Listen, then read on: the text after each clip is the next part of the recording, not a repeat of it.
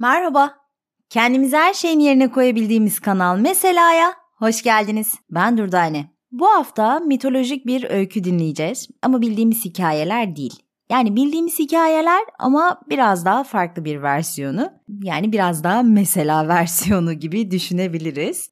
Ben bir süredir taş podcast'i yapmak istiyordum. Ama bunu Sisyphos'un taşı olarak yapmak istiyordum. Sadece istemekle olmuyor biliyorsunuz.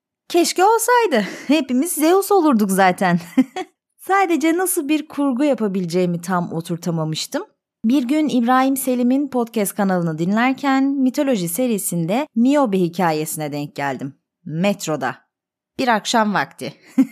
Güzel fikirler hep olmadık yerlerde aklımıza gelir biliyorsunuz. Bu arada İbrahim Selim'in kanalına da göz atabilirsiniz eğer şimdiye kadar dinlemediyseniz. Aşırı keyifli, eğlenceli, bir o kadar da bilgi dolu bir kanal. Neyse dedim ki mitolojiler değiştirilemez diye bir kural yok. Neden Sisyphos'la Niobe'yi buluşturmayayım? Ben buluşturma işlemini yaptım. Geriye sadece dinlemek ve karar vermek kalıyor. O işte sizde. Yorumlarım var. Nasıl iletirim derseniz podcast mesela Instagram hesabının kapıları size Zeus'un kapılarından daha açık. Link aşağıda. Manisa'da Sipil Dağı çıkışında Niobe'yi bulabilirsiniz. Ağlayan kaya olarak da bilinmekte. Yandan bakınca insan yüzünü andıran bu kayanın tam göz hizasına gelebilecek iki noktasından su akar. Bu da sanki ağlayan kadın görünümü vermekte. Tabi tam mitolojik bir olay olduğu için hemen yazılmış üzerine Niobe'nin hikayesi. Manisalı gelin bizim toprağımız. Birazdan zaten öykünün içerisinde Niobe kendi hikayesinden bahsedecek. O yüzden çok detaylı olarak durmuyorum üzerinde. Sisyphos ise mitolojide en bilinen hikayelerden biri. Ayrıca Albert Camus ile daha da hafızalarımıza kazınmıştır. Modern dünya içinde bize bir ayna olmuştur. Camus, Sisyphos'un mutlu olduğunu söylemektedir. Bunu şu dizeleriyle de dile getirmiştir. Zirveye doğru olan mücadele bir insanın kalbini doldurmak için yeterlidir. Sisyphos mutlu hayal edilmelidir. Sisyphos'un taşı Niobe sizlerle.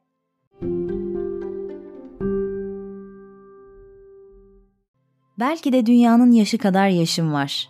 Öyle çok devir gördüm ki ne yaşadım, ne kadar yaşadım unuttum. Siz bana yalnızca taş mı diyorsunuz? Doğru, bir taşım, bir kaya. Çağlar boyu benimle beraber yaşadınız. Beni bir tuval olarak kullanıp kahramanlıklarınızı çizdiniz. Bulduğunuz harflerle bir şeyler anlattınız. Ama ben o bildiğiniz taşlardan değilim. Ben kendini tanrı sanmış bir vicdansızın, zavallı kurbanıyım. Doğruları söylediği için evlat acısıyla cezalandırılan Niobe. Beni birçoğunuz tanımıyor olabilirsiniz. Şimdi size acıklı hikayemi ve şu an bile bitmek bilmeyen sonsuz çilemi anlatmama izin verin. Bir zamanlar, yani başıma bu kara bulutlar çökmeden önce hayat öyle güzeldi ki günler daima güneşli, ağaçlar daima yeşil, mevsim bahar yaşayıp gidiyordum. Babam kral, kocam kral. Benim gibi olan gerçek insanların en soylusuydum. Ama o yukarıdakiler yok mu yukarıdakiler? O Olimposlular. Hayatımı yazdan kışa çevirdiler. Cennetimi ateşe verdiler. Herkes bir şeyin tanrısı ilan etmiş kendini. Kimseye sormadan, bizden tapınma bekleyip bize sormadan tanrıyım diye gezenler. Babam Sipilus kralı, kocam ise Tep kralı. Festivaller düzenlenirdi sürekli o zamanlarda. Kocam severdi eğlenceyi. Halk mutlu olsun, eğlensin isterdi. Hatta dünden razıydı. Ama her festivalde bir tanrıya adak adamaları ve o festivali o tanrı için düzenlemeleri yok mu beni çıldırtıyordu. Yok saç kılı tanrısı, yok el tırnağı tanrısı. Vallahi içim şişmişti. Uzun zaman susmuştum ama o gün, o lanetli gün tutamamıştım kendimi. O festival Leto'ya düzenlenmişti. Eh dedim. Yeter artık sürekli böyle dilenci gibi yakınmanız. İsteyin ben vereyim. Onlara tapacağınıza bana tapın. Sürekli sürekli ne bu canım böyle? Tamam eğlenelim dedik de sürekli bir adak, adını bile bilmediğiniz 10 milyon tanrı, fani ömrünüz bunlara adak yetiştirmeyle mi geçecek? Hadi ömrünüze geçtim. Kıçınızdaki don delik. Sizi umursamayanlara öküzünüzü, tavuğunuzu veriyorsunuz. Yetti be. Hem Leto da kimmiş? Onun hepi topu iki çocuğu var. Benim tam 14 tane. Hangimiz daha kadın acaba? Leto beni kıskansın. O bana tapsın. Ay bunları söyleyince nasıl bir rahatlama gelmişti. Nasıl içim rahatlamıştı. Yıllardır içimde tutuyordum. Ama haksız mıydım Zeus aşkına? Ay aman dil alışkanlığı. Zeus'u da batsın metresleri de. Neyse halkın duasına sağır taklidi yapanlar benim doğru cümlelerimi duymakta hiç gecikmedi. Söylediğim gerçekler o Leto vicdansızının kulağına hemen gitmiş olacak ki o ikiz yılanları, o katil tanrı müsveddelerini azmettirmiş. Ah ne kara gündü, ah! Hala aklıma geldikçe kahroluyorum. Zaten bana verdikleri ceza da bu oldu. Anlatacağım birazdan. Halk kendi doğrularıma inandırıp evlerine göndermiştim. Festivali de bitirip sarayıma dönüyordum ki bir de ne olsun birden bir ışık hüzmesi belirdi. Bu nedir diye bakmaya fırsat bulamadan bir de ne göreyim? Yedi oğlumun yedisi de yerde kanlar içinde.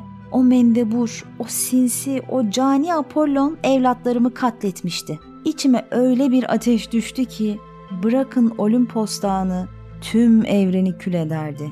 Acıdan gözlerim dönmüştü. Bu acıyla beraber haykırmaya başladım. Ey Leto! Sen kimsin ya? Bana olan kıskançlığın böylesine mi gözünü bürüdü? Bu kadar düştün mü sahi? Ne oldu oğullarımı aldığında?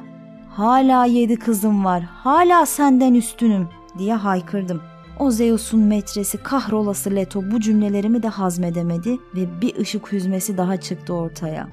Bu ışıktan da evde kalmışlığını erkek düşmanlığına çeviren, gudubet suratına kimse bakmadığı için sonsuza kadar bakire kalacağım kılıfını uyduran Artemis kızlarımı helak etmişti.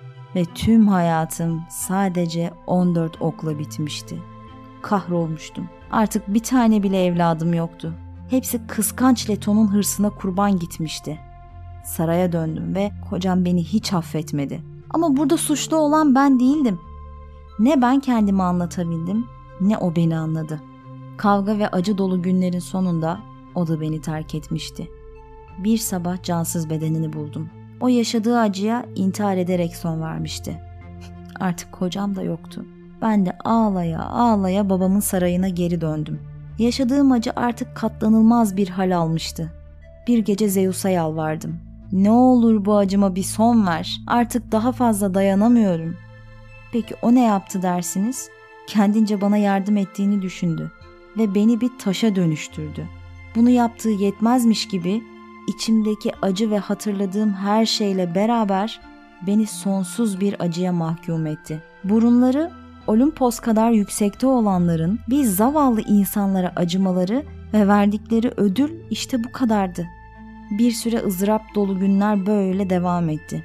Bir gün bir adam geldi ve beni sırtlayarak bir dağın tepesine götürmeye başladı. Ne oluyor yahu nereye böyle diyemeden bir adamın sırtına atılmıştım. Neyse bu adam beni taşıdı, taşıdı, taşıdı. Tam zirveye gelecekken düşüverdim yere seke seke. Zaten içimdeki acı yetmiyormuş gibi bir de düşerken aldığım darbeler canımı acıtmıştı. Benim bu çilem bitmeyecek mi diye ağlaya ağlaya yere ulaştım. Tam kendime geliyorum derken adam yeniden geldi ve beni yeniden sırtladı. Sil baştan tekrar. 3, 4, 5 derken adamın artık bir manyak değil lanetlenmiş olduğunu anlamıştım. Günler böyle bir yukarı bir aşağı her gün taş olan vücudumun zedelenmesi ve yaralanması ile devam etti. Bir gün sordum. Kimsin sen? Konuşuyor olduğuma şaşırmadan Sisyphos diye yanıtladı. Senin suçun neydi peki? Anladığım kadarıyla lanetlenmişsin. Ben buna lanetlemezdim dedi. Nasıl yani? Bir taşı sonsuza kadar bir tepeye çıkarıp zirveyi görememek lanet değil midir? Kim yapmak ister bunu? Sisyphos şöyle yanıtladı. Ben yapmak istediğim için yapıyorum zaten. İstemeseydim kimse beni buraya getiremezdi. O yüzden seni her gün o tepeye çıkarmak beni mutlu ediyor. Çünkü bunu sonsuza dek yapmak benim kim olduğumu, ne kadar zeki olduğumu ve tanrılardan ne kadar üstün olduğumu hatırlatıyor. Konuşmalarından anladığım kadarıyla gerçekten zeki biriydi. Daha sonraları öyküsünde anlattı. Kendisi kralmış, ülkesine refah ve bolluk getirmiş. Zekası ve kurnazlığıyla bilinirmiş. Bir gün ırmaklar tanrısının kızı kaçırılmış. ve Sisyphos kızını kimin kaçırdığını bildiğini ama ülkesinden bir ırmak geçerse kızının kimi kaçırdığını söyleyeceğine dair bir anlaşma yapmış ve kızın Zeus tarafından kaçırıldığını söylemiş. Başkası çıksa şaşırırdım zaten. Nefes alan hiçbir şeyi es geçmiyor. Tanrılığı resmen hobi olarak yapıyor. Neyse, buna hiddetlenen yüce Zeus, Sisyphos'un ölüm emrini veriyor. Ama Sisyphos ölümü bile kandırıyor. Hem de iki defa. Tanrılar artık neredeyse onun kendilerinden daha zeki olduğu düşüncesine varmışken artık yaşlandığı için kendini ele veriyor. Cezasını bile isteye kendisinin aldığını düşünüyor Sisyphos ve bunun onu hala tanrılardan üstün kıldığını söylüyor. Ben de gel zaman, git zaman kurduğumuz ahbaplıktan dolayı başımdan geçenleri anlattım. Üzüldü yaşadıklarıma. Senle beni buluşturan bu kaderin bizde gördüğü tek bir ortak yön var dedi. Kibir. Ama seninki fena olan cinsten. Bencillikle süslenmiş senin kibrin. Benimkisi ise haklı bir kibirlilik. Demek ki tanrılar bizden üstün değilmiş. Demek ki kandırılabiliyorlarmış. Benim kibrim onlara bu gerçeği gösterdi. Biliyor musun dedi. Aslında seni zirveye çıkarabilirim. Seni tam zirvede bilerek bırakıyorum. Hala tanrılarla alay etmekten keyif alıyorum. Onların beni sonsuz bir lanete hapsederek başarı kazandıklarını düşünen surat ifadelerine daha çok gülüyorum. Sonsuzluk diye bir şey yoktur Niobe. Bunlar tanrıların insanların akıllarıyla alay etmek için zihinlerine yerleştirdikleri küçük oyunlardır. Ben bu oyundan yeteri kadar tatmin oldum. Bugün seninle son kez çıkacağız bu yokuşu. Sonra seni bırakacağım zirvede.